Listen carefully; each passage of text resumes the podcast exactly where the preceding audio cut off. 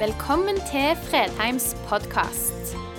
For mer informasjon og ressurser, besøk oss på fredheimarena.no, eller finn oss på Facebook.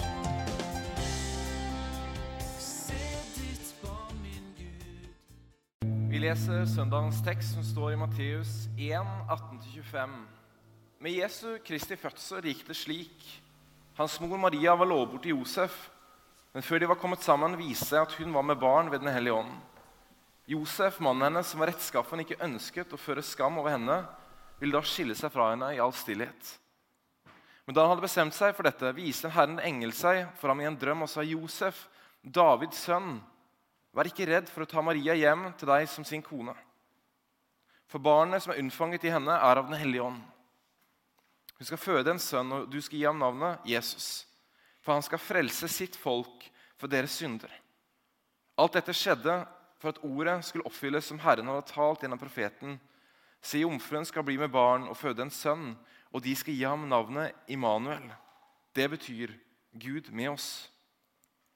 Da Josef våknet av søvnen, gjorde han som Herrens engel hadde pålagt ham, og tok henne hjem til seg som sin kone, og levde ikke sammen med henne før hun hadde født sin sønn, og han ga ham navnet Jesus. Det er av og til noen historier som nærmest blir glemt fordi de er så tett på andres historier, som bare så er så enormt store. Jeg tror historien med Josef egentlig er en sånn historie. Det er nesten som den av og til drukner i inkarnasjonen. At Gud ble menneske. Men samtidig fortjener historien til Josef og det modige valget han tok, all mulig oppmerksomhet. Vi snakker av og til om eh, hverdagshelter. Bare for en måneds tid siden, eller seks uker siden fylte de nyhetene jeg så faktisk de gjorde det i går òg, om Jakob Opheim.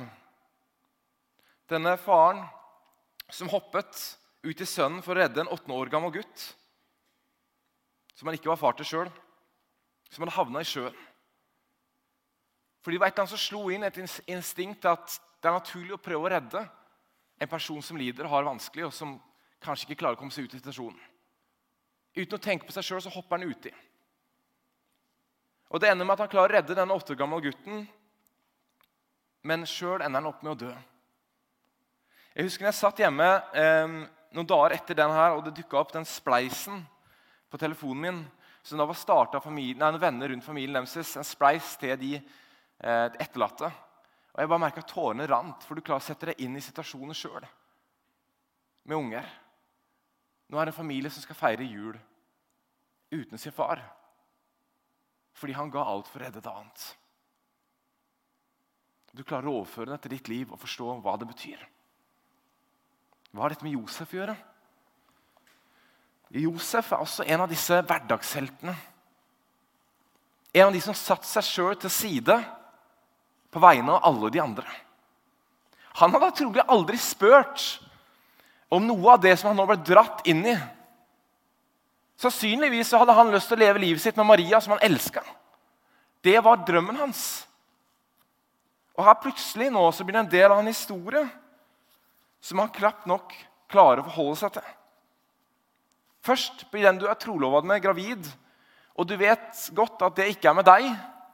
Og Da hadde jo enhver av oss begynt å tenke ok, hvis det ikke er med meg, da må det jo være med noen andre. Og tankene begynner jo å surre. Hva gjør jeg med dette? Sannsynligvis var det ikke så veldig annerledes for Josef. De tankene begynte hos han òg. Han begynte den mentale prosessen. Hvordan skal jeg håndtere dette? Og Han landa da på, som teksten sier, at det var riktig overfor Maria, er at han skiller seg med henne i stillhet.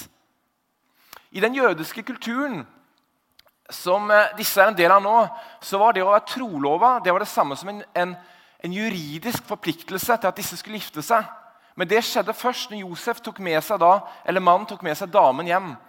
Da etterpå så var på en måte det fullborda. Da var det et ekteskap.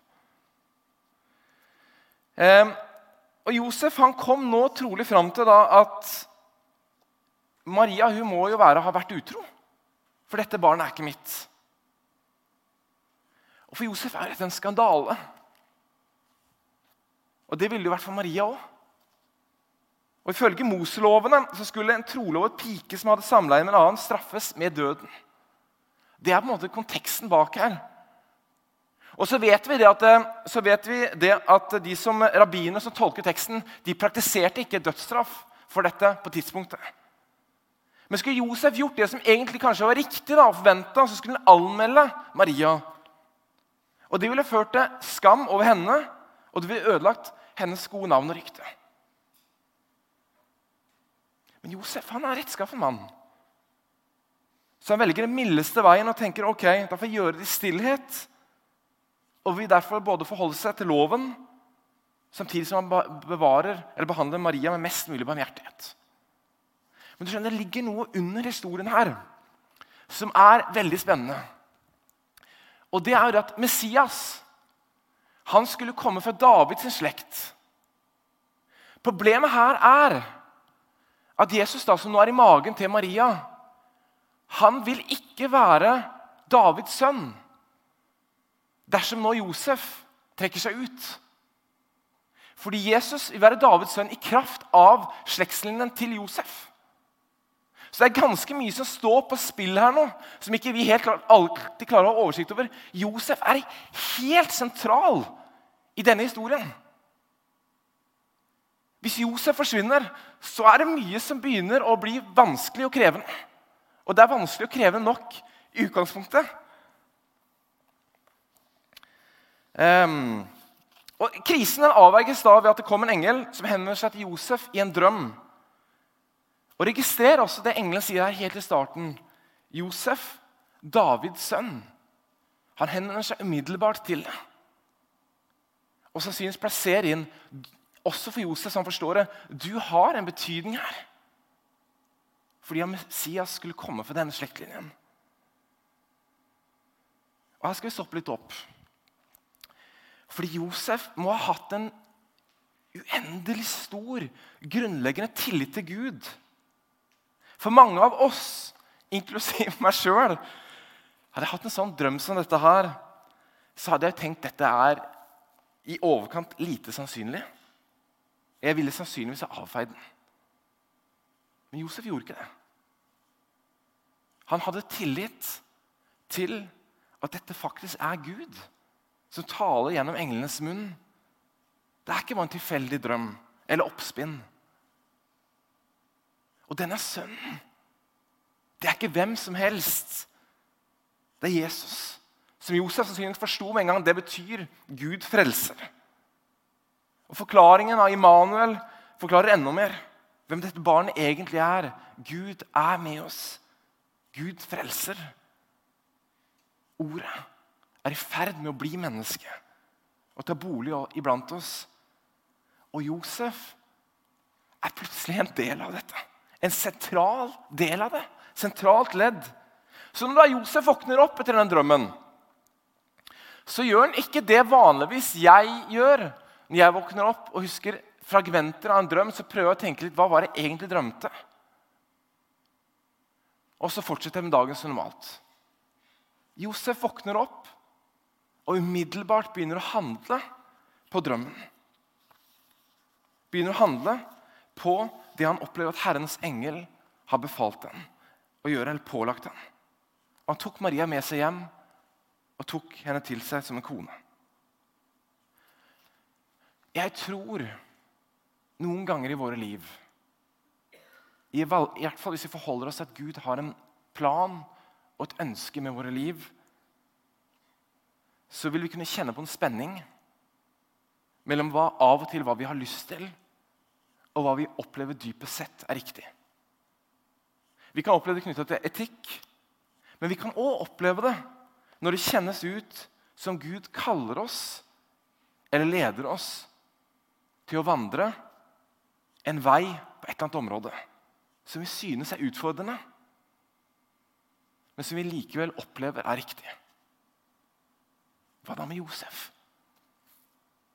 Her er det mye å ta stilling til på kort tid. Mye å ta stilling til i løpet av en natt. Den potensielle skammen over både han og Maria. Hva ville folk tenke? Hva hvis det bare var en drøm, da? Hva hvis dette virkelig er Messias? Hva vil det bety for mitt liv? Jeg vil anta han òg må ha tenkt Hvorfor meg? Hvorfor, hvorfor skjer dette meg? For det kan ikke være bare glede forbundet med det. Hvordan kan jeg være der for Maria oppi dette her? Hva skal jeg tro på av det jeg hører nå, og hva skal jeg ikke tro på? Men så velger han å vandre i tillit og tro på at Maria snakker sant, og engelen snakker sant. Josef er på mange måter en helt med en grunnleggende tillit til at Gud vil det beste for meg. Og det kan jeg faktisk stole på. Også de gangene jeg med god grunn kjenner meg usikker. Det vil alltid være perioder i våre liv hvor vi kan kjenne på at tilliten rokkes av ulike grunner. Historien om Josef og Maria er historien om en ung kvinne. En ung kvinne som tok i tillit til Gud hadde sagt til henne Trodde at han ville det beste for henne. På tross av at den, det engelen sa til henne, hørtes helt spinnvilt ut, sikkert. Så sa hun, 'La det skje meg som du har sagt'. Og etterkant slår dette valget til Maria over på Josef. Han nå må bære konsekvensene av det valget som Maria tok, og ta stilling til det. Men han nå lander på å ha tillit til Gud. Denne høsten har det gått en debatt i Kirke-Norge, iallfall avisene i Kirke-Norge, om å gå all in. Om vi skal gå all in, fullt inn for Jesus eller ikke. Om det er sunt eller ikke. Og Så kan vi godt diskutere hva det vil si å gå all in. Men Josef og Maria er en historie om noen av svært mange mennesker som gikk inn med hele sitt liv. De ga faktisk alt. Josef ga alt i løpet av en drøm. Og kobla seg på og trengte ok, Gud, jeg stoler på deg. Og Det er ikke noe utsvevende ved dette valget. Det er ikke hæla i taket og tenna i tapeten. Men de legger ned sitt liv for Gud. I tillit til at han vil det beste for dem og få lov å være en tjener for det. Og Bibelen og kirkehistorien er full av disse historiene.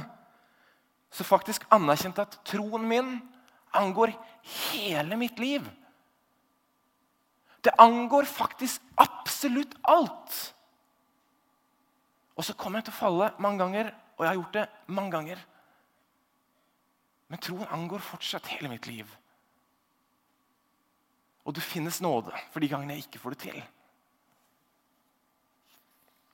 Jeg tror vi må stille til veggs en utfordring som ligger under her. Som vi kanskje ikke snakker så mye om, men som jeg tror er reell. Og det tror jeg er spørsmålet kan Gud egentlig henvende seg direkte til oss. Vil han henvende seg direkte til oss?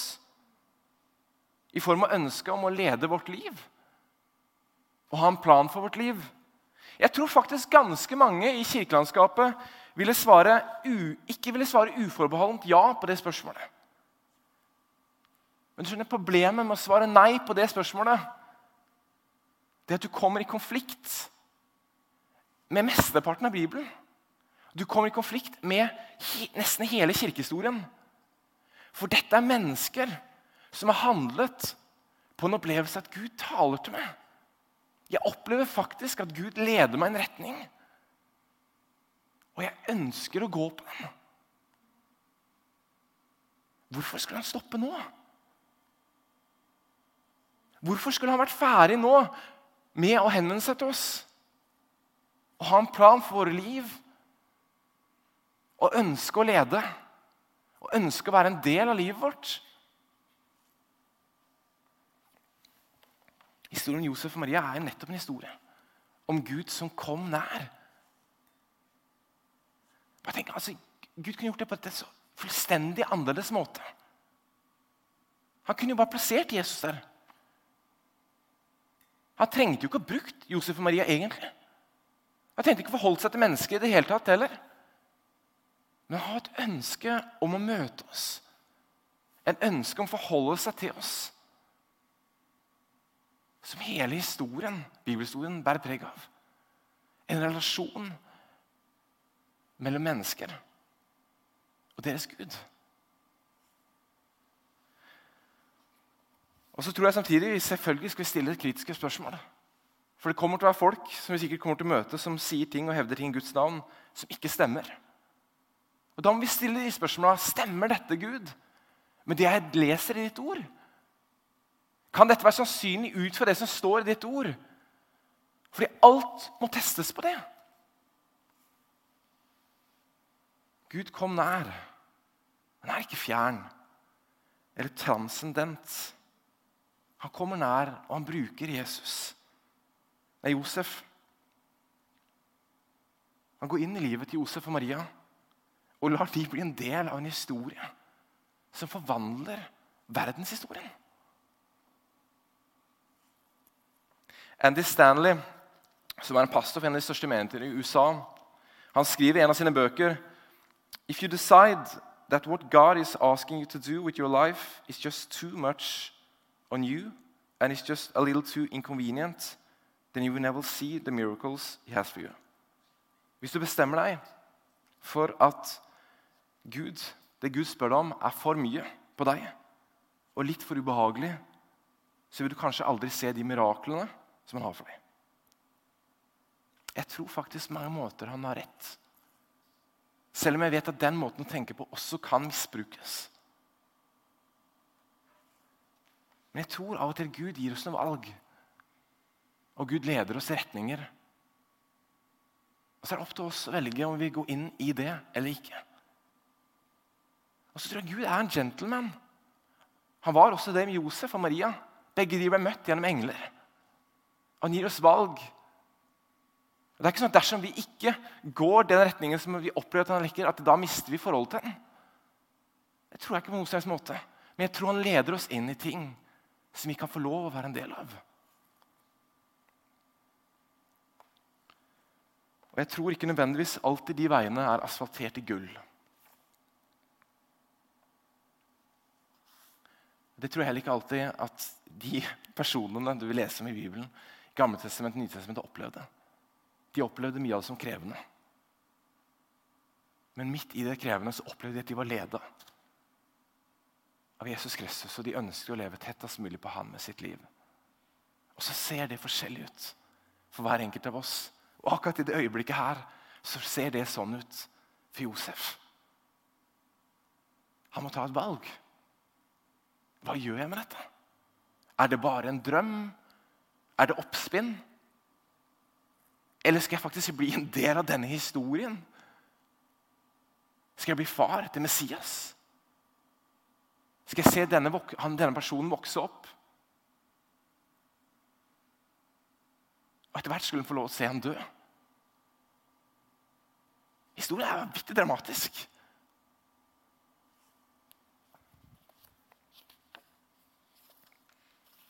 Og utfordringen kom Gjennom deres tillit til Gud ble det en del av den største historien som kanskje verden har sett.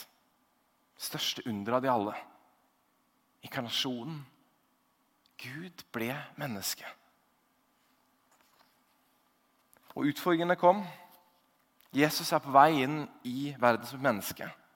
På fredag skal vi markere det med jule, julegudstjeneste. Allerede er han i fare for samlivsbrudd hos de som skal, skal vokse opp hos.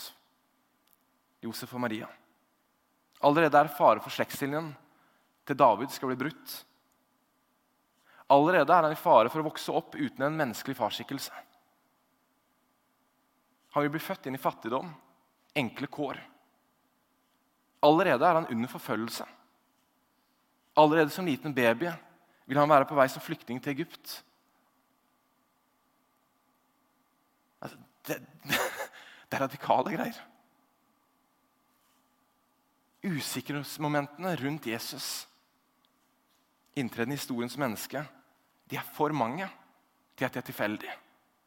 Det er nesten som det ligger noe profetisk i teksten. De forteller om et budskap som ikke først og fremst er til de privilegerte og velstående, men et budskap som gir trøst og håp til alle på de som på ulike måter opplever at livet er krevende. Og de kan relatere seg til denne historien. De kan relatere seg til fattigdommen, de kan relatere seg til å være flyktning, til å være forfulgt. Dette er Jesus' sin inntreden i historien. Han kunne kommet høytflyvende inn, men han gjør ikke det. Hva er det han prøver å si? Og Midt i dette står Josef, som handlet på en drøm i tillit til sin Gud som skulle komme til å forvandle livet hans. Kanskje startet det som en hverdagshelt. Men den han var, og det han har betydd for Jesus sin oppvekst, og dermed også for kirken, i det valget han tok, det kan knapt overvurderes. Og det hele startet med tillit. Tillit til at Gud vil det beste for oss. Også de gangene hvor det høres helt usannsynlig ut. For det må du ha gjort, både for Josef og Maria. For verden hadde jo aldri sett dette før. Tillit til at Gud vil det beste for mitt liv. Har jeg tillit til at Gud vil det beste for mitt liv? Tillit til at jeg kan komme med hele mitt liv til Han? At han faktisk er interessert. Stole på at han elsker meg. Ønsker å møte meg. At han kan møte meg. At han kan lede meg. Tillit til at de gangene jeg hører, tenker at hele greiene høres usannsynlig ut, så har jeg fortsatt tillit. Fordi tillit ikke er noe som forsvinner over natta.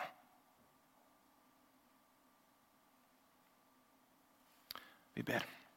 Kjære Jesus, takk fordi du kom og ble menneske, slik at vi kunne få en relasjon med deg. Takk for eh, sånne personer som Josef og Maria, som eh, fikk lov å være en del på en historie som forandra historien. Få lov å være forbilde for oss i hva det vil si å ha tillit til deg. Også de gangene hvor det høres helt usannsynlig ut. Men de opplevde at det var riktig. De opplevde at du leda. Og de gikk inn med hele sitt liv. Takk, Jesus, for at du elsker oss. Takk for at vi nok en gang får lov å feire eh, at du ble menneske. Du som er Messias, frelser, konge.